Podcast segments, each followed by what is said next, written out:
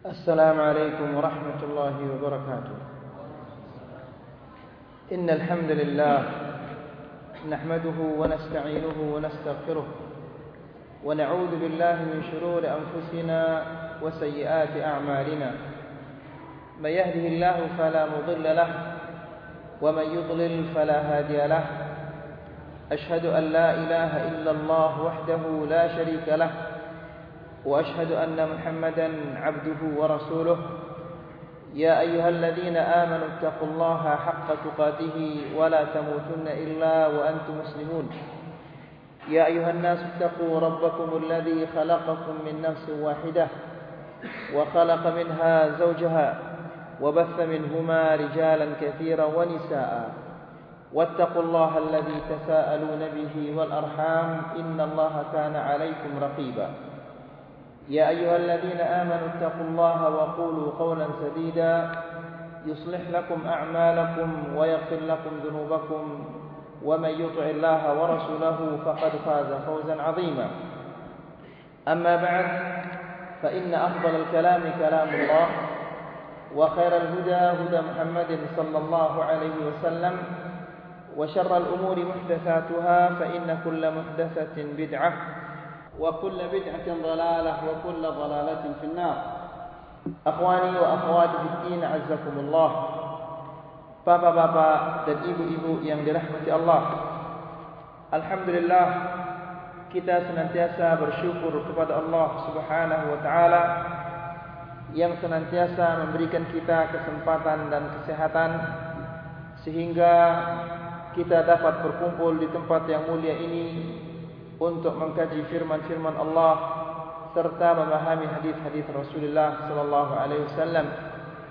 Juga kita bersyukur kepada Allah Subhanahu wa taala karena Allah Subhanahu wa taala memberikan kita kesempatan untuk melaksanakan salah satu ibadahnya atau rukun Islam yang mulia yaitu puasa Ramadan. Akhwani fi din azzakumullah. Bapak-bapak dan ibu-ibu yang dirahmati Allah Terakhir kali pengajian kita adalah Tentang Ghazwat Uhud Peperangan Uhud Dan Kejadian-kejadian yang terjadi di peperangan Uhud di mana Peperangan Uhud ini Tidak ada yang menang. Orang Quraisy tidak menang Orang Islam juga tidak menang. Akan tetapi kerugian lebih banyak diderita oleh kaum muslimin. Kemudian pada hari ini insya-Allah kita akan memasuki ahdath wa ghazawat. Peristiwa-peristiwa dan peperangan-peperangan setelah peperangan Uhud. Dijelaskan Kana lima ashaban muslimin bi Uhud atharun sayyi'un ala sum'atihim apa yang menimpa kaum muslimin di peperangan Uhud itu adalah pengaruhnya sangat jelek terhadap nama baik mereka. Karena sebagaimana kita jelaskan bahwa ketika kaum muslimin menang di peperangan Uhud, semua bangsa-bangsa Arab atau suku-suku Arab yang ada di sekitar Madinah takut kepada kaum muslimin. Akan tetapi begitu mereka kalah atau mengalami kerugian yang besar di Uhud maka nama kaum muslimin ini mulai runtuh. Nama besar mereka mulai runtuh. Ittajarra al-a'da karena musuh-musuh yang dahulunya tidak berani menampakkan permusuhannya setelah peristiwa Uhud ini maka mereka berani menampakkan gigi di hadapan Rasulullah sallallahu alaihi wasallam wa kashafuhum bin nizal. Bahkan mereka secara terang-terangan menantang Rasulullah sallallahu alaihi wasallam. Wa waqa'at iddatu ahdath lam yakun ba'daha fi salih muslimin dan terjadi beberapa kejadian-kejadian yang tidak menguntungkan kaum muslimin. Wa naktafi huna bi dzikril aham minha faqat.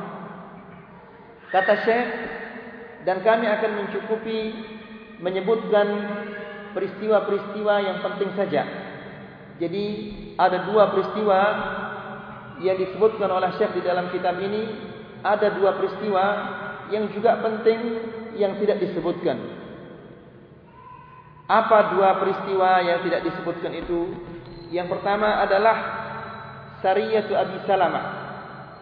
Peristiwa-peristiwa ini menunjukkan betapa lancangnya orang-orang kafir setelah Rasulullah SAW mengalami kerugian di peperangan Uhud. Mereka berani, demikian juga orang-orang Yahudi, mereka menjadi berani karena mereka menganggap kaum muslimin sudah lemah.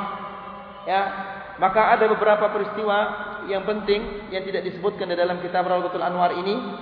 Di antaranya adalah Sariyatu Abi Salamah. Brigade Abi Salamah. Dijelaskan awwalu man qama diddal muslimina ba'da naksati Uhud hum Banu Salamah bin Khuzaimah. Suku yang pertama yang berani melawan, menantang, menantang kaum muslimin menunjukkan giginya setelah peperangan Uhud itu adalah suku Banu Salamah bin Khuzaimah.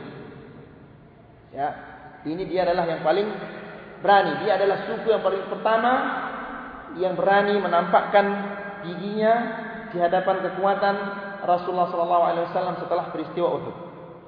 Faqad naqalat istikhbaratul Madinah anna Talhah wa Salamah ibni Khuwailid qad sara fi qaumihima wa man ata'uhuma yad'una bani Khuzaimah ila harbi Rasulullah sallallahu alaihi wasallam.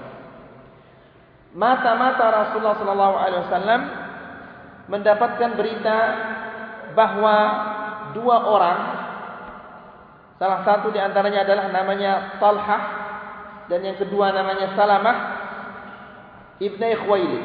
Mereka ini bersaudara Talhah dan Salam.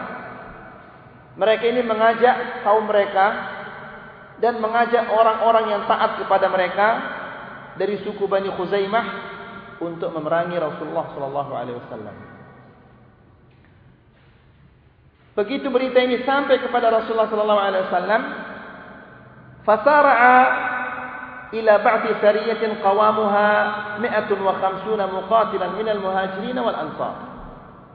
Begitu berita ini sampai kepada Rasulullah sallallahu alaihi wasallam, Rasulullah sallallahu alaihi wasallam tidak menunggu lama-lama, langsung dia mengirim beberapa pasukan yang jumlah mereka adalah mi'awah hamsun.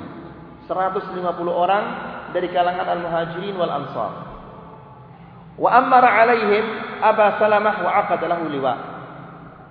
Dan brigade ini diangkat sebagai pemimpinnya adalah Abu Salamah dan dia diberikan bendera. Wa baqata Abu Salamah Bani Asad ibni Khuzaimah fi diyarihi. Pasukan Rasulullah sallallahu alaihi wasallam ini mengejutkan Bani Khuzaimah ini di desa mereka. Secara mendadak tiba-tiba ternyata tiba-tiba pasukan Rasulullah SAW ini sudah ada di kampung halaman mereka. Qal qabla an yaqumu bi gharatin fatashattatu fil amr. Maka mereka bercerai-berai. Pasukan yang sudah disiapkan oleh Bani Asad ini bercerai-berai ke sana kemari. Wa asaba al-muslimuna ibilan wa syatan lahum. Maka pasukan Rasulullah SAW ini mendapat harta yang begitu banyak, onta-onta mereka dan kambing-kambing mereka diambil. Fastaquha wa 'adu ila al-Madinati salimin ghanimin wa lam yaqtul wa lam yalqaw harban. Mereka pulang ke Madinah tanpa peperangan, namun mereka membawa onta yang begitu banyak dan juga kambing-kambing yang begitu banyak. Ini yang pertama. Yang kedua adalah Ba'tu Abdullah bin Unais pasukan Abdullah bin Unais. Yawm al-khamis min syahr min nafs syahr al-Muharram sanat 40 Hijriah. Dan pada hari yang kelima di bulan Muharram tahun 4 Hijriah naqalat al-istikhbarat mata-mata Rasulullah sallallahu alaihi wasallam ini menerima berita Khalid al-Hudali yahshudul jumu'a li harbi muslimin. Mata-mata ini mengirim berita bahawa ada seseorang bernama Sufyan al-Hudali. Khalid bin Sufyan Al-Hudali. Dia mengumpulkan pasukan untuk menyerang Rasulullah sallallahu alaihi wasallam. Fa arsala ilaihi Nabi sallallahu alaihi wasallam Abdullah bin Unais liyaqdi alaihi. Maka Rasulullah wasallam mengutus pasukan yang dipimpin oleh Abdullah bin Unais untuk memerangi mereka. Wa dhalla Abdullah bin Unais ghaiban min al-Madinah 18 lailah. Pasukan yang diutus oleh Rasulullah wasallam ini yang dipimpin oleh Abdullah bin Unais ini dia keluar dari kota Madinah selama 8 malam tidak kembali-kembali pasukan ini. Apa yang terjadi? Qadima yawm as-sabt li sab'in baqina min al-muharram. Kemudian dia di, kembali ke kota Madinah, tiba di kota Madinah lagi pada hari Sabtu yaitu tanggal 23 di bulan Muharram. Waqad qutila Khalid dan wajah bi ra'sihi. Khalid itu ia mengumpulkan pasukan untuk memerangi Rasulullah sallallahu alaihi wasallam terbunuh dan kepalanya dibawa ke hadapan Rasulullah sallallahu alaihi wasallam. Fawada'u baina yadayhi. Ditaruh di depan Rasulullah sallallahu alaihi wasallam fa'atahu 'asa. Lalu Rasulullah sallallahu alaihi wasallam memberikan Abdullah bin Unais ini sebatang kayu. Dan dia mengatakan, "Hadi ayatun baini wa bainaka yaumil qiyamah." Ini adalah tanda antara kamu dan aku pada hari kiamat kelak. Falamma hadaratul wafa, ketika Abdullah bin Unais ini meninggal dunia, awsa an tuj'ala ma'ahu fi afanihi. Dia berwasiat agar kayu yang diberikan oleh Rasulullah sallallahu alaihi wasallam kepadanya itu dikuburkan bersamanya di dalam kuburan. Ini adalah peristiwa yang kedua. Kemudian peristiwa yang ketiga yaitu hadithatul raji'. Peristiwa ar-raji'. Qadima rijalun min 'Udal wa Qarah. Datang beberapa orang dari suku 'Udal dan dari suku Qarah. Ila Rasulullah sallallahu alaihi wasallam wa dzakaru lahu anna fihim islaman. Beberapa orang dari kedua suku ini, dari suku 'Udal dan dari suku Qarah datang mendatangi Rasulullah sallallahu alaihi wasallam dan mereka mengatakan bahwa ya Rasulullah di suku kami sudah ada orang-orang yang masuk Islam. Wa talabu minhu an yab'atha ilaihim man yu'allimuhum dinahum. Maka mereka minta kepada Rasulullah sallallahu alaihi wasallam agar diutus seseorang kepada mereka untuk mengajarkan mereka urusan-urusan agama ini. Wa yuqri'uhumul Qur'an dan juga mereka minta kepada Rasulullah sallallahu alaihi wasallam agar mengutus seseorang untuk mengajarkan mereka Al-Qur'an. Fab'atha 'asharatan min ashabihi wa amara 'alaihim 'Asim bin Thabit. Maka karena permintaannya demikian, Rasulullah sallallahu alaihi wasallam mengutus 10 orang dari sahabat-sahabatnya yang dipimpin oleh seseorang yang bernama 'Asim bin Thabit ya untuk mengajarkan mereka agama dan membacakan kepada mereka Al-Qur'an.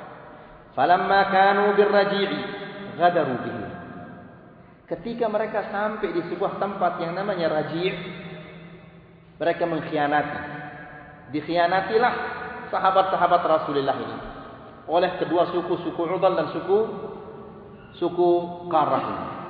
Dikhianatilah sahabat-sahabat Rasulullah sallallahu alaihi wasallam. Wastasrafu alaihim bani Lahyan min Hudayl.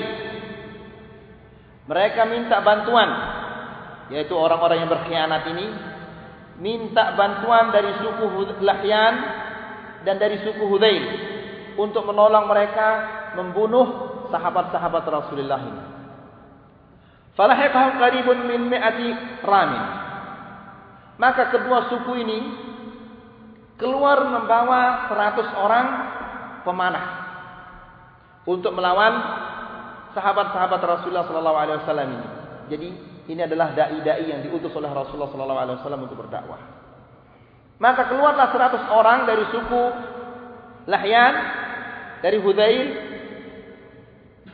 pemanah-pemanah ini untuk melawan sahabat-sahabat Rasulullah sallallahu alaihi wasallam ini. Wa ahatu bihim fi makanin murtafi'. Wa ahatu bihim wa hum fi makanin murtafi'. Dan sahabat Rasulullah wasallam ini dikepung dan mereka naik ke sebuah tempat yang tinggi ketika mereka dikepung. Fa'atuhum al-'ahd in nazalu an la yaqtuluhu. Lalu mereka memberi mereka janjian, berjanji. Kami berjanji kalau kalian turun kami tidak akan membunuh kalian. Fa'aba 'Asim an-nuzul. Akan tetapi pemimpin mereka yaitu 'Asim bin Thabit tidak mau turun karena dia tahu bahawa ini adalah pengkhianatan. Wa qatala ma'a ashabi. Dan dia bertempur bersama sahabat-sahabatnya. Faqutila minhum sab'ah. Maka terbunuhlah tujuh orang dari sahabat-sahabat Rasulullah sallallahu alaihi wasallam ini atau dari dai-dai yang diutus oleh Rasulullah sallallahu alaihi wasallam ini mati tujuh orang. Wa baqiya thalatha. Tersisalah tiga orang. Fa'atahum al-kuffar al-'ahda marratan ukhra. Lalu orang-orang kafir ini memberikan mereka perjanjian bahawa mereka tidak akan membunuh mereka jika mereka turun. Fanazal. Karena mereka berjanji bahawa mereka tidak akan membunuh mereka apabila mereka turun, maka turunlah mereka yang tiga orang ini. Fakadaru bihim. Begitu mereka turun, lagi-lagi mereka berkhianat. Dikhianati mereka. Warabatuhum mereka tiga-tiganya diikat. Faqala ahadus salafa. Lalu salah seorang di antara yang tiga itu mengatakan, "Hadza awwalul qadri." Ini adalah khianat pengkhianatan yang pertama. Wa aba an yashabahum faqataluh. Dan dia tidak mau ikuti mereka, lalu dibunuhlah dia orang ini. Maka tersisa dua orang. Wa talaqu bil itsnaini al-akhiraini ila Makkah. Maka kedua-duanya yang tersisa itu dibawa ke ke Makkah. Wahuma Khubayb bin Adi wa Zaid bin Ditnah. Yang dua ini adalah Khubayb bin Adi dan Zaid bin Ditnah. Namanya. Faba'uhuma. Lalu ketika sampai di Makkah, kedua-duanya dijual. Wa kana Khubayb qad qatala al-Harith bin Amir bin Naufal di Badar. Khubayb bin Adi ini di peperangan Badar dia pernah membunuh seseorang yang bernama Al Harith bin Amir bin Naufal di Badar. Dia pernah membunuh seseorang. Ya. Fashtarathu bintuhu au akuhu. Lalu putrinya putrinya Al Harith ini membelinya Ya, nah ini yang membunuh bapak saya ini. Maka langsung dibeli oleh putrinya atau putranya dibeli. Wasajanuhu dan mereka memenjarainya, dikurung dia. Ubay bin Adi ini. Thumma kharaju bihi ila Tan'im liyaqtuluhu. Setelah dia dikurung, maka mereka membawanya keluar ke sebuah tempat yang namanya Tan'im. Tan'im ini sekitar 8 kilo atau 9 kilo dari Mekah. Biasanya jemaah haji-jemaah di Indonesia mengambil umrah dari sana. Tentunya ini adalah tidak ada contohnya dari Rasulullah SAW. Di sana ada masjid namanya Masjid Aisyah. Ketika Rasulullah ketika Aisyah radhiyallahu anha berhaji kemudian dia haid, maka Rasulullah SAW memerintahkan Abdullah bin Abi Bakar untuk membawa Aisyah ke tempat halal yang paling dekat. Maka dibawalah dia ke tempat yang namanya Tan'im. Ya. Nah, setelah Khubayb bin Adi ini dibeli oleh anaknya atau putrinya Al Harith bin Amir, kemudian dikurung, lalu setelah itu dikeluarkanlah dia, dibawalah dia keluar ke sebuah tempat yang namanya Tan'im untuk dibunuh fasalla rak'atain. Sebelum dia dibunuh, dia salat dua rakaat. Kemudian dia menoleh ke orang-orang kafir itu. Di sana ada pembesar-pembesar orang kafir. Ada Abu Jahal, ada, ada Abu Sufyan dan pembesar-pembesar yang lain. Setelah dia sholat dua rakaat yang begitu ringan, maksudnya tidak tidak panjang ayat-ayatnya, lalu dia menoleh ke mereka dan mengatakan, "Wallahi, laula anni aqafu an taqul anni ataltu salata jaz'an la ataltu salat." Demi Allah, saya ini sengaja memperpendek salat saya. Karena saya khawatir jangan-jangan kalian mengatakan bahwa saya sengaja memperpanjang sholat saya karena saya tak karena saya takut mati. Jadi bayangkan, saya sengaja memperpendek sholat saya ini supaya jangan kalian mengatakan bahwa saya ini takut mati. Setelah itu dia setelah itu ketika dia mau setelah dia sholat dan menghadap mereka lalu dia berdoa dengan doa yang sangat terkenal Allahumma ahsihim adada waqtulhum badada wala tughadir minhum ahada. Ya Allah hitunglah mereka satu persatu. Waqtulhum badada dan bunuhlah mereka dengan cara yang membinasakan mereka. Wala tughadir minhum ahada dan janganlah engkau membiarkan salah satu di antara mereka. Setelah itu dia dibunuh. Namun sebelum dia dibunuh dia dimuslah dipotong hidungnya dipotong bagian-bagian dari dagingnya. Hidup-hidup ya. Kemudian dipotong telinganya dan seterusnya. Maka setelah itu dia mengatakan walastu ubali hina uqtalu musliman. Ala ayyi jambin kana fillahi masra'i. Wa dhalika fi dhati ilahi wa in yasha. Yubarik ala awsalin shallu shallu muwazza'i dia mengatakan saya tidak peduli ketika saya mati atas Islam. Ala ayyi jambin di sebelah mana saja saya mati in kana fillah kana fillahi masra'i saya tidak peduli sebelah mana jika kematian saya itu adalah karena Allah. Wa dzalika fi dzatil ilahi wa in yasha. Yang demikian itu adalah karena Allah. Jika ia berkehendak yubarik ala awsal dia akan memberkahi awsal yaitu potongan-potongan tubuh yang sudah terpotong-potong dagingnya. Setelah itu dia dibunuh. Lalu dia sebelum dia dibunuh, faqala lahu Abu Sufyan. Abu Sufyan mengatakan kepadanya, "Ayasurruka anna Muhammadan indana nadribu 'unuqahu wa innaka la fi ahlik?"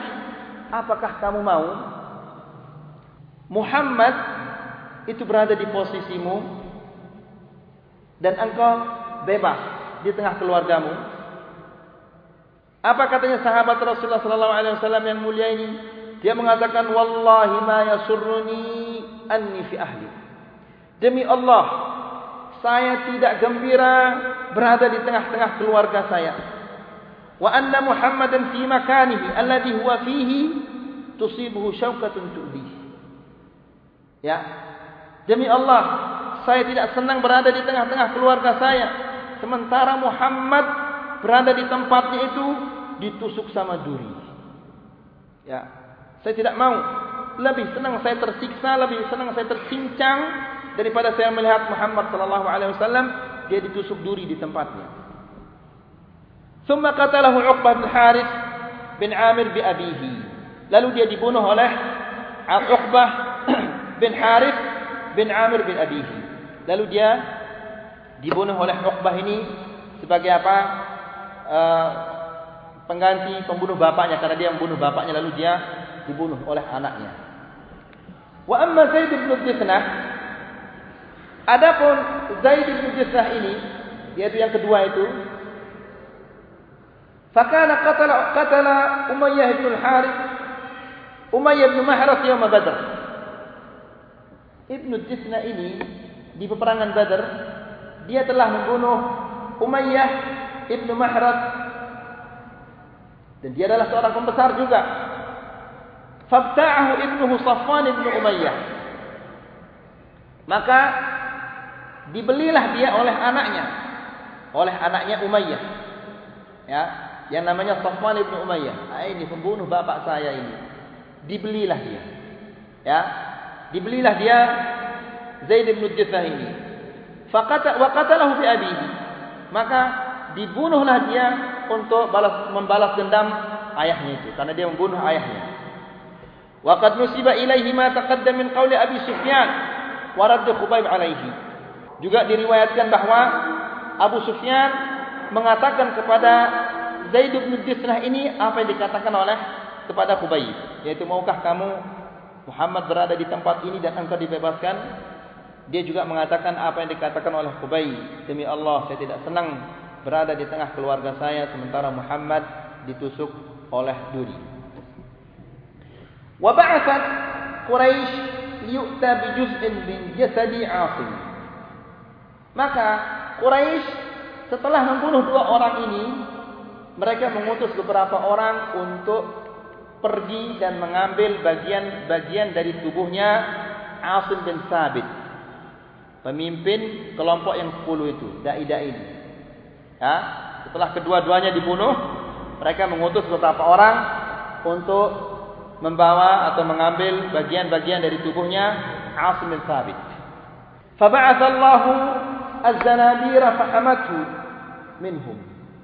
Maka ketika mereka ingin mengambil tubuhnya Allah Subhanahu wa taala mengutus zanabir zanabir ini adalah lalat-lalat yang berbisa diutus oleh Allah Subhanahu wa taala mengerumuni apa mayatnya lalu mereka mengatakan tunggu sampai malam biasanya zanabir itu kalau sudah malam tiba mereka pergi nanti tunggu saja tapi begitu malam tiba justru mayat ini sudah tidak ada. Ya.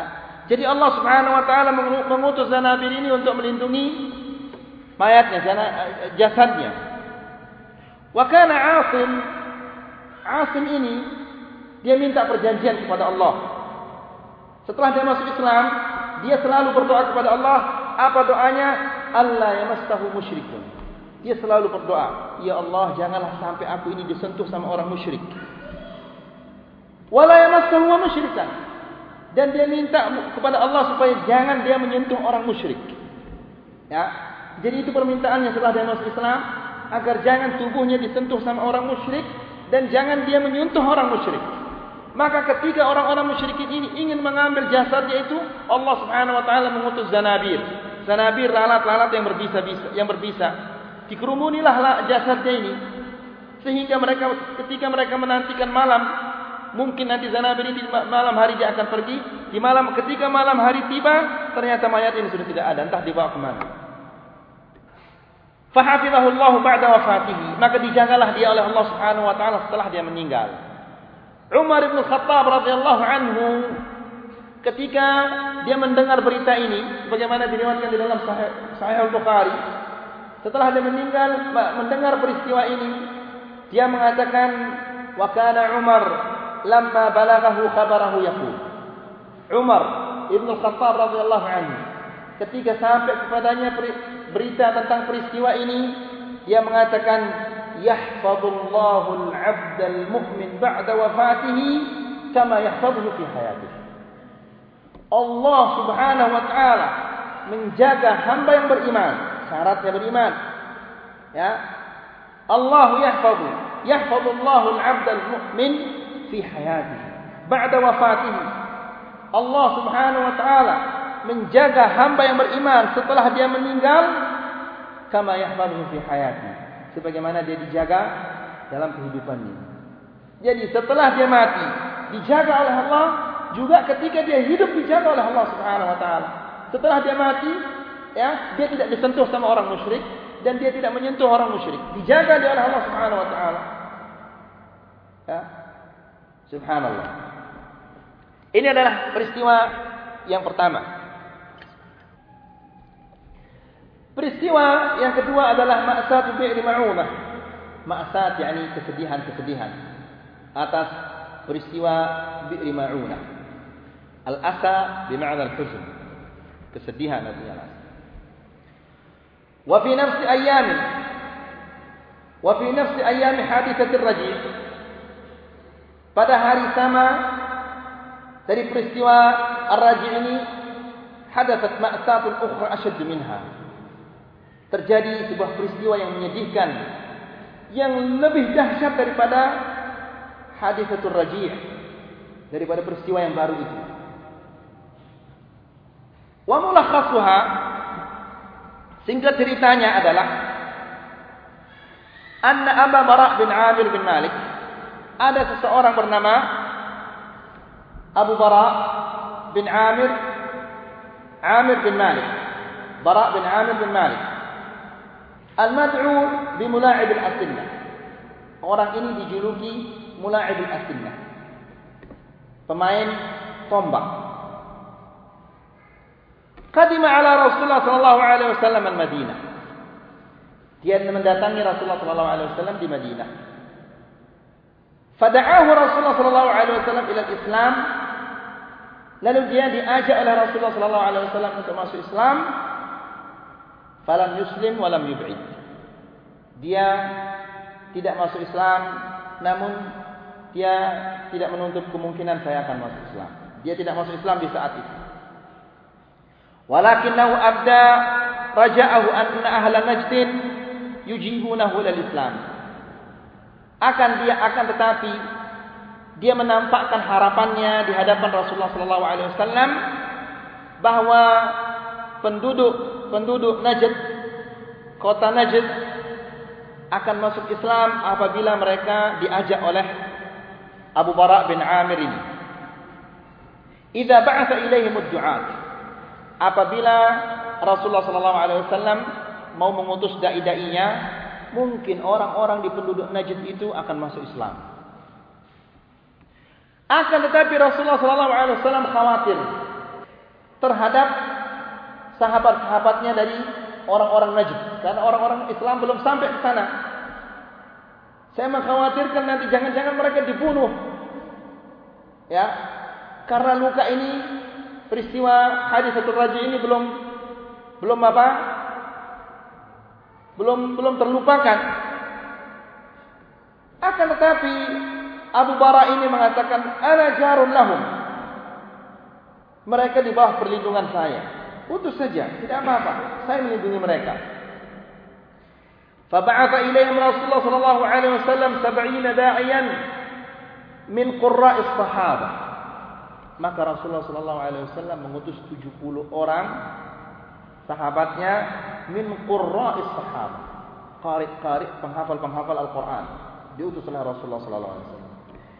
Fanazalu ala bi'r ma'unah mereka singgah di sebuah sumur yang namanya bi'r ma'unah wa dhahaba haram bin milhan bi kitab Rasulullah sallallahu alaihi wasallam ila aduwillah Amir ibn Tufail. Lalu ada seseorang bernama Haram bin Milhan. Ya. Jadi orang-orang dulu itu namanya aneh, Haram. Ini namanya Haram bin Milhan. Dia membawa surat Rasulullah sallallahu alaihi wasallam kepada musuh Allah yang namanya Amir ibn Tufail. Bisa kira-kira bapak-bapak ingat-ingat nama sahabat-sahabat ini? Hah? Kan nama-namanya Islam ini. Apalagi kalau baca Kuping Ho itu enggak susah kawan nama-nama orang Cina itu. Ya. Pahlawan-pahlawannya orang-orang Cina, tapi ini nama-nama orang Islam ini. Ya. Diingat baik-baik namanya. Namanya adalah apa? Haram bin bin Milhan. Membawa surat Rasulullah sallallahu alaihi wasallam kepada musuh Allah yang bernama Amir ibnu Ibn Tufail. Ya. Falam yanzur ilaihi. Amr bin Tufail ini begitu dia menerima surat dari Rasulullah sallallahu alaihi wasallam ini dia tidak membukanya, tidak membacanya. Justru wa amara rajulan fata'anahu min khalfihi hatta anfadha ar-rumha. Musuh Allah ini justru menyuruh orang untuk menikam Haram bin Milhan ini dari belakang tusuk dia, ditusuk dia dari belakang. Sehingga apa?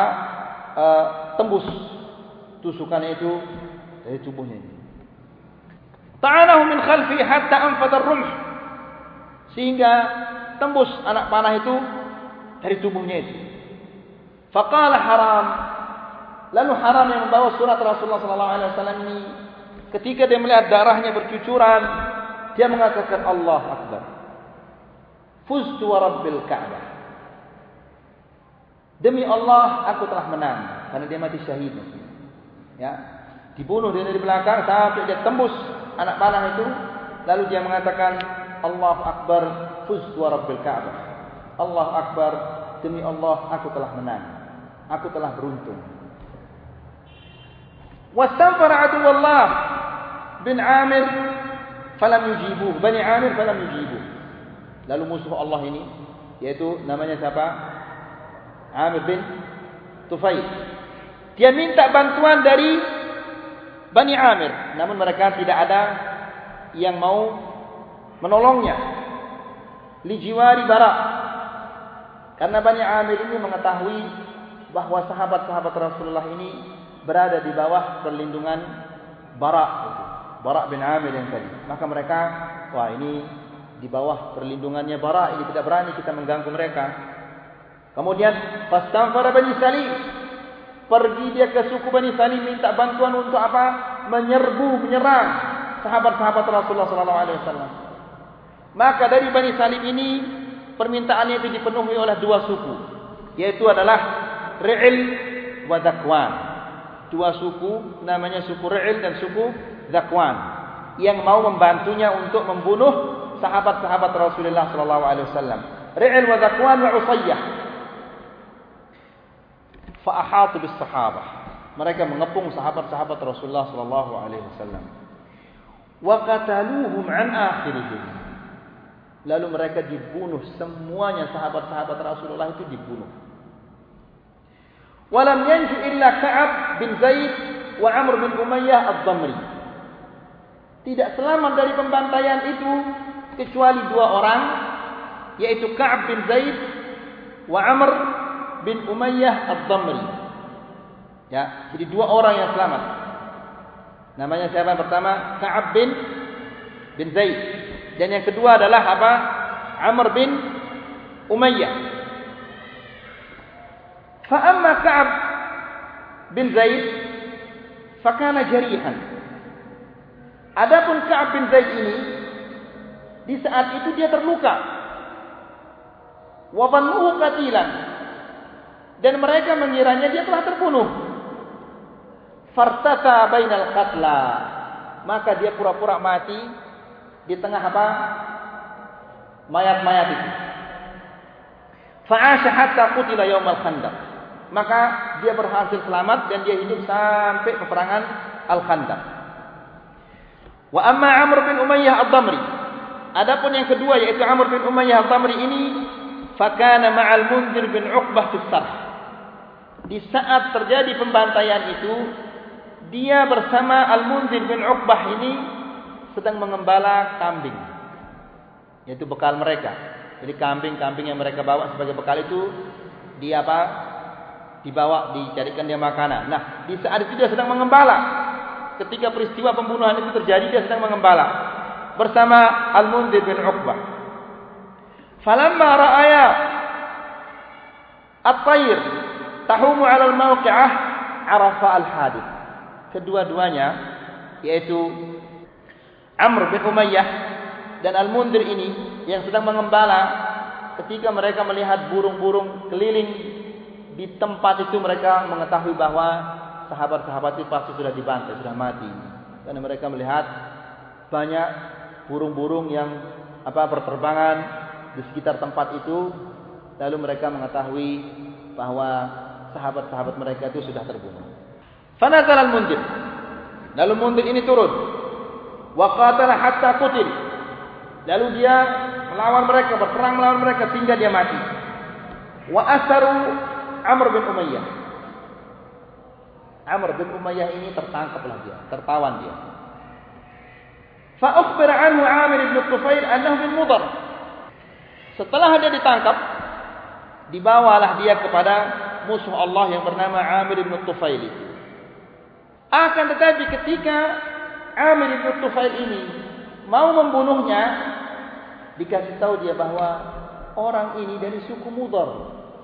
Sukumu juga suku Mudar. Masa kamu bunuh satu suku sama orang yang satu suku sama kamu ini? Akhirnya dilepaslah dia. Qal fajazza nasiyatah. Di apa rambut bagian depannya ini dipotong sama Amir bin Tufail ini. Dipotong rambut bagian depannya. Ya, biasa kalau orang salah dilakukan seperti itu. Ya, diambil rambut bagian depannya kemudian dipotong. Wa a'taqahu an raqabatin kanat ala ummi. Lalu dilepas dia. Saya lepas kamu karena ibu saya pernah bernazar dia akan memerdekakan seseorang maka saya lepas kamu ini sebagai nazar ibu saya.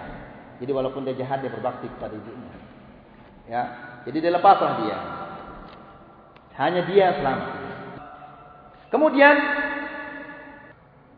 waraja Amr bin Umayyah ila Madinah. Maka pulanglah dia Amr bin Umayyah ini ke Madinah. Falamma kana bil qarqarah. Pulang dia sampailah dia sebuah tempat yang namanya Al-Qarqarah. Ini nama tempat. Falamma kana bil qarqarati min at-tariq wajada rajulaini min bani Kilab. Ketika dia sampai ke sebuah tempat yang namanya Qarqarah, di sana dia bertemu dengan dua orang dari suku Bani Kilab. Dhannahuma min al-adu faqatalahuma.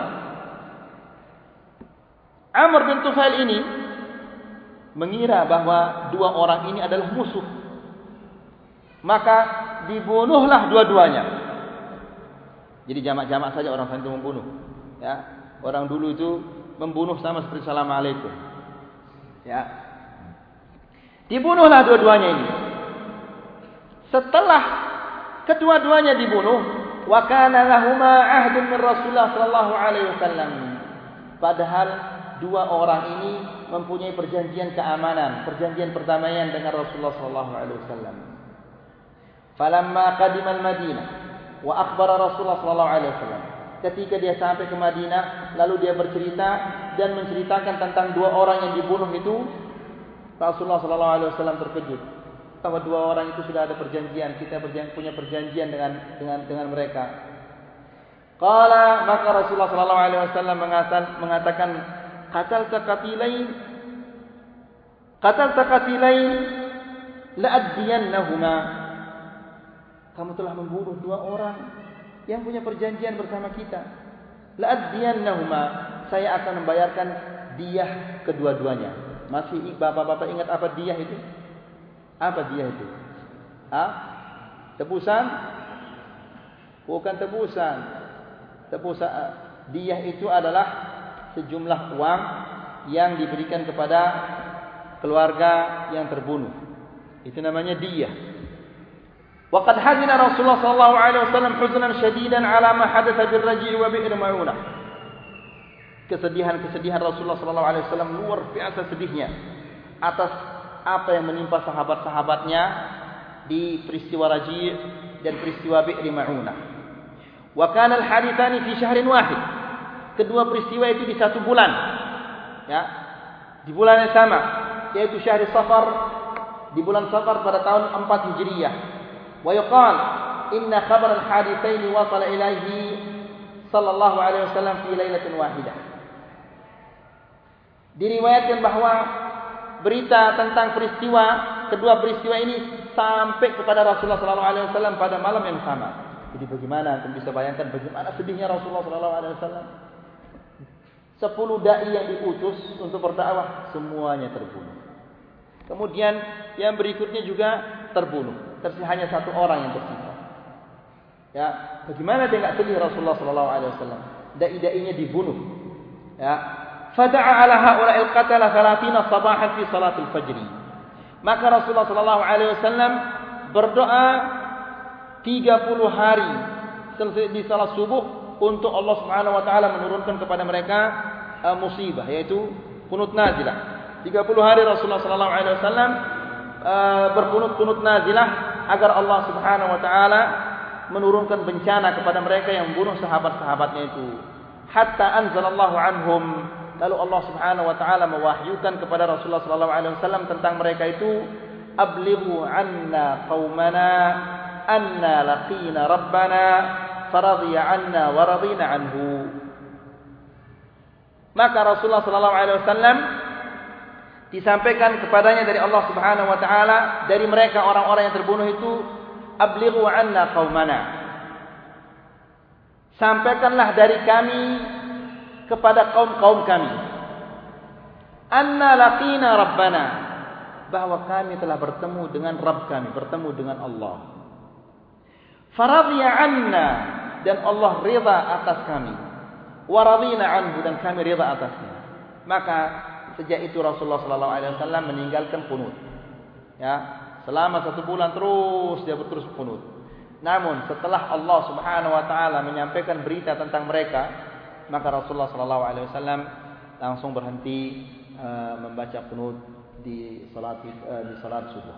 Ini adalah dua peristiwa yang sangat menyedihkan yang sangat membuat Rasulullah sallallahu alaihi wasallam sedih. Jadi Rasulullah sallallahu alaihi wasallam tadi sudah berjanji untuk membayar apa?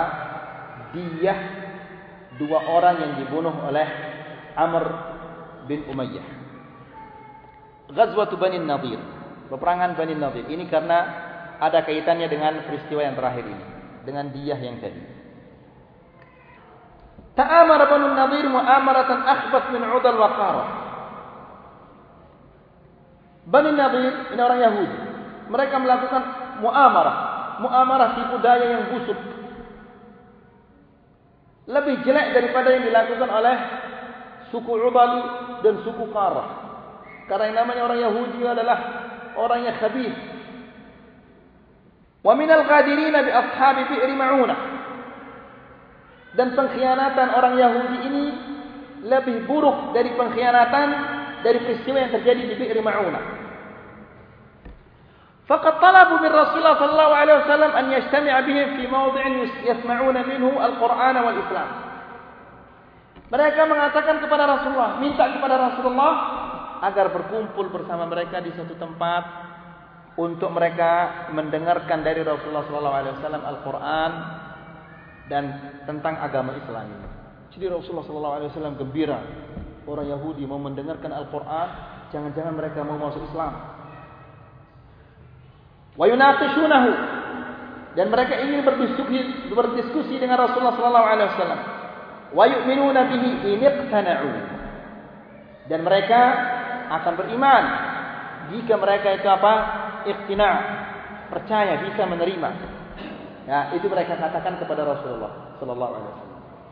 Fatamma al-ittifaq 'ala dhalik lalu sepakatlah mereka untuk berkumpul di satu tempat mendengarkan Al-Quran dan tentang ajaran Islam ini dan apabila mereka uh, bisa ikhtina, bisa menerima maka mereka akan masuk Islam. Wa qarrara haula'i al-ashrar fi ma bainahum an ya'ti kullu wahidin minhum bi khanjarin tahta thiyabih. Dan mereka orang-orang Yahudi, orang-orang yang busuk ini mereka melakukan kesepakatan bahawa masing-masing yang datang di tempat itu membawa khinjar pisau yang kecil yang mereka sembunyikan di bawah bajunya. Ya, untuk membunuh Rasulullah sallallahu alaihi wasallam. Jadi Rasulullah sallallahu alaihi wasallam ajak mereka ingin bunuh dan nabi-nabi sebelum mereka sebelum Rasulullah sallallahu alaihi wasallam saja dibunuh oleh mereka. Jadi jangan heran kalau mereka membunuh kaum muslimin di Palestina atau di Irak di mana-mana. Ya, nabi saja mereka bunuh, apalagi yang bukan nabi. Ya. Fayaqtaluna an-nabiy sallallahu alaihi wasallam baghtatan wa ala ghirrah. Tujuan mereka membawa pisau yang kecil itu untuk mereka membunuh Rasulullah sallallahu alaihi wasallam yaqtalunahu ala dirrah. yakni secara mendadak-mendadak, secara tiba-tiba mereka membunuhnya. Fawassal al-khabar ila Rasulullah sallallahu alaihi wasallam faqarrara ijla'ahu. Maka berita ini apa yang mereka sepakati ini disampaikanlah oleh Allah Subhanahu wa taala kepada Rasulullah sallallahu alaihi wasallam maka Rasulullah sallallahu alaihi wasallam sepakat untuk mengeluarkan mereka, memutuskan untuk mengeluarkan mereka dari kota Madinah. Jadi dulu orang Yahudi tinggal di Madinah. Sampai sekarang orang-orang Rafidhah Syiah itu banyak di Madinah. Ya. Syiah Rafidhah itu adalah asalnya asal usulnya dari apa? Dari Yahudi. Ya, jadi jangan heran kalau banyak orang Syiah, orang Rafidhah di Madinah. Karena mereka itu adalah uh, asal usulnya dari orang-orang Yahudi. Makanya kan ada istilahnya Asy-Syiah Al-Ithna Ashriyah. Syiah yang imamnya 12. Kenapa mereka milih 12? Karena Al-Asbat itu jumlahnya 12. Ambil Bani Israel itu anaknya Asbat itu jumlahnya adalah 12. Maka mereka membunuh 12. Memilih Ithna Ashriyah. Ya, kenapa mereka mengagungkan Husain, tidak mengagungkan Hasan padahal yang lebih yang lebih apa? mulia adalah Hasan. Ya, karena Rasulullah sallallahu alaihi wasallam mengatakan bahwa Allah Subhanahu wa taala akan mengislah antara dua kelompok yang bertikai dengan anak saya ini. Yang dimaksud adalah Hasan, tapi kenapa mereka memilih Husain? Karena salah satu istrinya Husain adalah dari Faris. Ya, Kemudian banyak sekali akidah mereka yang sama persis dengan akidahnya orang-orang Yahudi. Karena mereka adalah di agama yang dibuat-buat oleh orang-orang Yahudi. Jadi kalau ada orang mengatakan bahwa kita sama Syiah itu berbeda mazhab saja, itu adalah salah kaprah. Quran saja berbeda, masa ibadah. Bagaimana mereka menjadi orang Islam kalau Quran kita berbeda? Baik. Fakarrara ijla'ahum. Maka Rasulullah SAW memutuskan untuk mengeluarkan mereka dari kota Madinah. Wakil. Dan ada riwayat mengatakan. Lama Raja Amr bin Umayyah Al-Bamri. Ketika Amr bin Umayyah Al-Bamri ini. Yang selamat dari pembantaian tadi. Pulang ke Madinah dan dia membunuh dua orang. Ya. Wa akhbar biqatli rajulaini min bani kilab. Zahaban Nabi SAW ila bani Nadir fi nafarin min as-sahabah liyu'inuhu fi diyatihima hasab al-mithaq. Rasulullah sallallahu alaihi wasallam karena dia berjanji untuk membayar diyah dua orang yang dibunuh sama Amr bin Umayyah ini, maka datanglah Rasulullah sallallahu alaihi wasallam dengan beberapa sahabatnya kepada Rasulullah sallallahu kepada orang-orang Yahudi ini untuk minta bantuan untuk membayar apa? diyah yang tadi karena orang-orang Yahudi itu terkenal dengan apa? kekayaan mereka. Ya, Rasulullah sallallahu alaihi wasallam sudah berjanji, la addiyannahuma. Saya akan membayarkan diyah mereka. Maka Rasulullah sallallahu alaihi wasallam mengajak beberapa sahabatnya ke suku Bani Nadir untuk minta bantuan untuk membayar apa? diyah itu. Kemudian, faqalu naf'al ya Abul Qasim. Oh ya, ya Abul Qasim kami akan lakukan, kami akan bantu kamu. Ijlis hahuna. Duduklah di sini. Kata mereka, kami akan bantu kamu wahai Abul Qasim, wahai Rasulullah. Duduklah di sini. Hatta naqdi hajatah. Duduk di sini dan kami akan penuhi semua permintaanmu. Fajalasa ila jambi jidarin yang tabik. Maka Rasulullah sallallahu alaihi wasallam duduk di dekat tembok dan dia menantikan menunggu. Menunggu orang-orang Yahudi yang akan membantunya ini. Wa khala ba'dhum bi ba'dhin. Lalu mereka berkumpul secara sembunyi-sembunyi orang-orang Yahudi. Warakibahum syaitan. Lalu mereka ditunggangi oleh syaitan. Faqalu lalu mereka mengatakan ayyukum ya'khudhu hadhihi ar-raha wa yas'adu fayulqiha 'ala ra'sihi. Siapa di antara kalian yang mampu membawa raha? Raha itu adalah batu yang dipakai apa? Uh, untuk menumbuk. Ya. Jadi Dulu kalau orang bikin tahu itu kan diputar caranya. Apa bahasa sini itu? Putarannya itu batu namanya raha. Jadi mereka itu untuk apa? Gandum itu kalau belum belum di, di dikupas itu di dikupas pakai raha itu. Apa istilahnya bahasa sini? Penggilingan. Ya, penggilingan. Maka mereka berkumpul dan mengatakan siapa di antara kalian yang mampu mengambil batu raha itu, batu gilingan itu dan kemudian dia naik ke atas rumah ini lalu jatuhkan batu ini ke kepalanya Muhammad. Qal famba'atha ashqahum. Lalu orang yang paling celaka dari mereka yang bernama Amr bin Jahash. Ini adalah orang yang paling sengsara, orang yang paling celaka dari orang-orang Yahudi. Namanya Amr bin Jahash. Yang sanggup untuk apa? Mengambil batu gilingan ini dan menjatuhkannya di atas kepala Rasulullah sallallahu alaihi wasallam. Wa nazala Jibril yukhbiru Nabi sallallahu alaihi wasallam bima aradu. Lalu Jibril turun kepada Rasulullah sallallahu alaihi wasallam dan memberitakan kepadanya tentang apa yang disepakati oleh orang-orang Yahudi ini. Qal faqama musri'an wa tawajjaha ila al-Madinah. Maka Rasulullah sallallahu alaihi wasallam segera bangkit dan dia lari ke Madinah. Thumma lahiqahu ashabuhu. Juga diikuti oleh sahabat-sahabat yang ikut bersamanya. Fa akhbarahum bil mu'amarati wa qarrara ijla'ahu. Sahabat-sahabat ini lari, mereka tidak tahu kenapa Rasulullah sallallahu alaihi wasallam lari. Setelah sampai di Madinah, Rasulullah sallallahu alaihi wasallam beritahu mereka bahwa begini begini begini orang-orang Yahudi itu ada yang ingin membunuh saya dengan mengangkat batu lalu naik ke atas rumah lalu melemparkan di atas kepala saya maka Rasulullah wasallam dan sahabat-sahabatnya sepakat untuk mengeluarkan orang-orang Yahudi ini dari kota Madinah. Thumma ba'atha ilaihim Muhammad bin Maslamah yaqulu lahum. Lalu Rasulullah wasallam mengutus Muhammad bin Maslamah untuk mengatakan kepada mereka, "Ukhruju minal Madinah." Wahai orang-orang Yahudi, keluarlah kalian dari kota Madinah. Ini di saat Islam kuat, ya. Dan mudah Rasulullah sallallahu alaihi wasallam keluar kalian. Sekarang seandainya semua kaum muslimin di seluruh dunia mengatakan kepada orang Yahudi, keluar kalian dari Palestina. Jangan tidak akan keluar-keluar. Ya. Giginya kaum muslimin sudah tidak ada. Rasulullah sallallahu alaihi wasallam mengatakan taraktu fikum amrayn lan tadillu ma in tamassaktum bihima kitaballahi wa sunnati.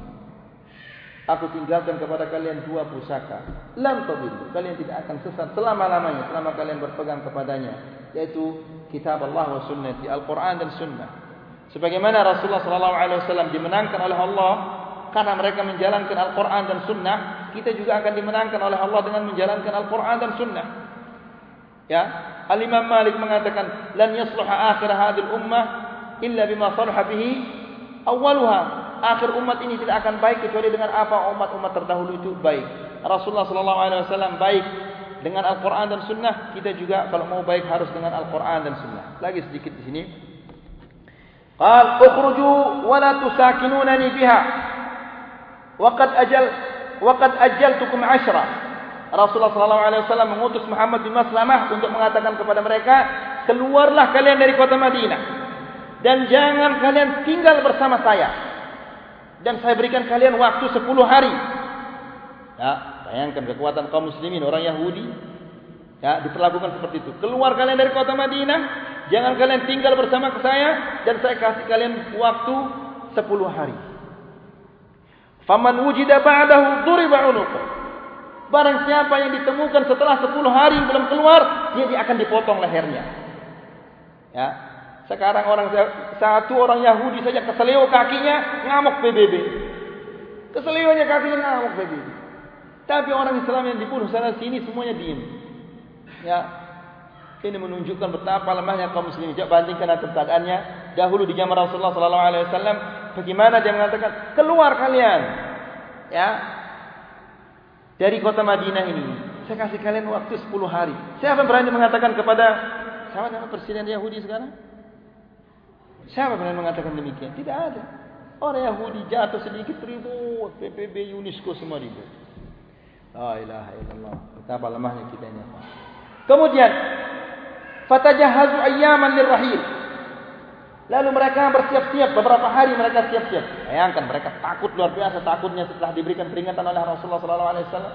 Maka beberapa hari kemudian langsung mereka siap-siap untuk pergi dari kota Madinah itu.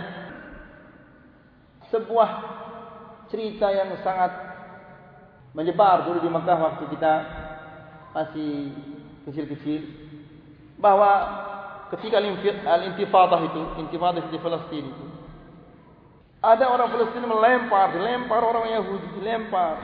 Dikejar dia sama apa? Polisi Yahudi ini. Akhirnya ditangkap. Ketika ditangkap ini, orang Palestina ini, lalu orang Yahudi ini saking marahnya dia aja melempar-lempar, dipotong tangannya ini. Orang orang Palestina yang dipukul ini dia mengatakan, pukullah saya, bunuhlah saya. Ya, sekarang kamu siksa saya, besok saya akan siksa kamu katanya. Apa kata tentara Yahudi ini? Kami tahu itu.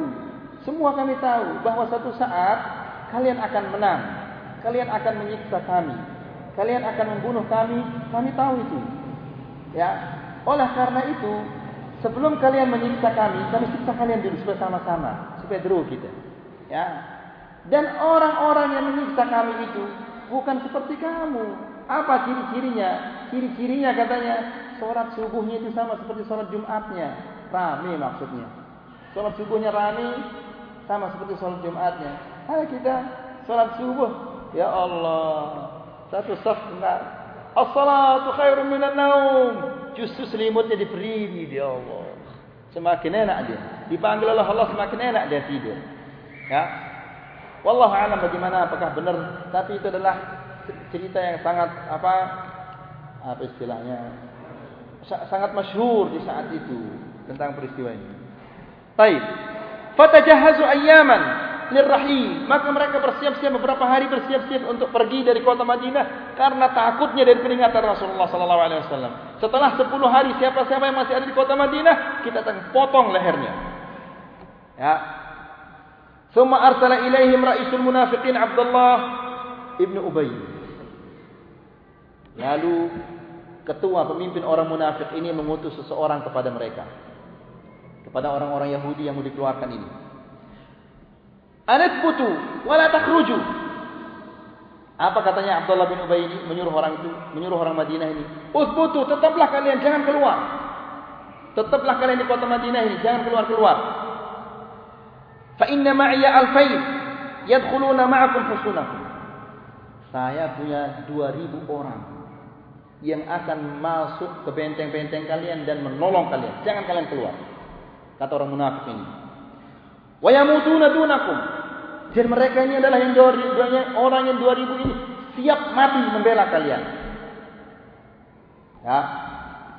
Allah mengatakan berfirman, "La in ukhrijtum la nakhrujanna ma'akum wa la nuti'u fikum ahadan abada wa la in qutiltum la nansurannakum."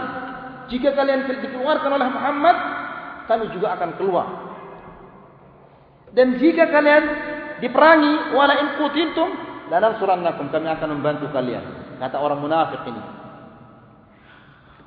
Wa yansurukum Quraidah wa Qatfan dan juga yang akan membantu kalian Bani Quraidah dan Bani Qatfan. Ya, kata Raisul Munafiqin ini. Fasha'aru bil quwwati wa amtana'u. Maka Allah banyak ternyata orang yang akan mendukung kita. Ya, orang-orang munafikin itu saja 2000 yang akan menolong kita. Mereka siap mati untuk kita, demi kita dan juga ada suku Bani Ghatafan dan ada Bani Quraidah yang akan menolong kita. Maka mereka tidak mau keluar. Tidak mau, kami tidak mau keluar. Padahal sudah diingatkan oleh Rasulullah 10 hari kalian ada di sini saya potong leher kalian. Al wa qalu li Rasulullah sallallahu alaihi wasallam inna la nakhruj. Fasna' ma badalak.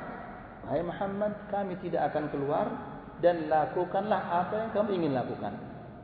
Padahal sudah mereka diberikan ingatan oleh Rasulullah sallallahu alaihi wasallam.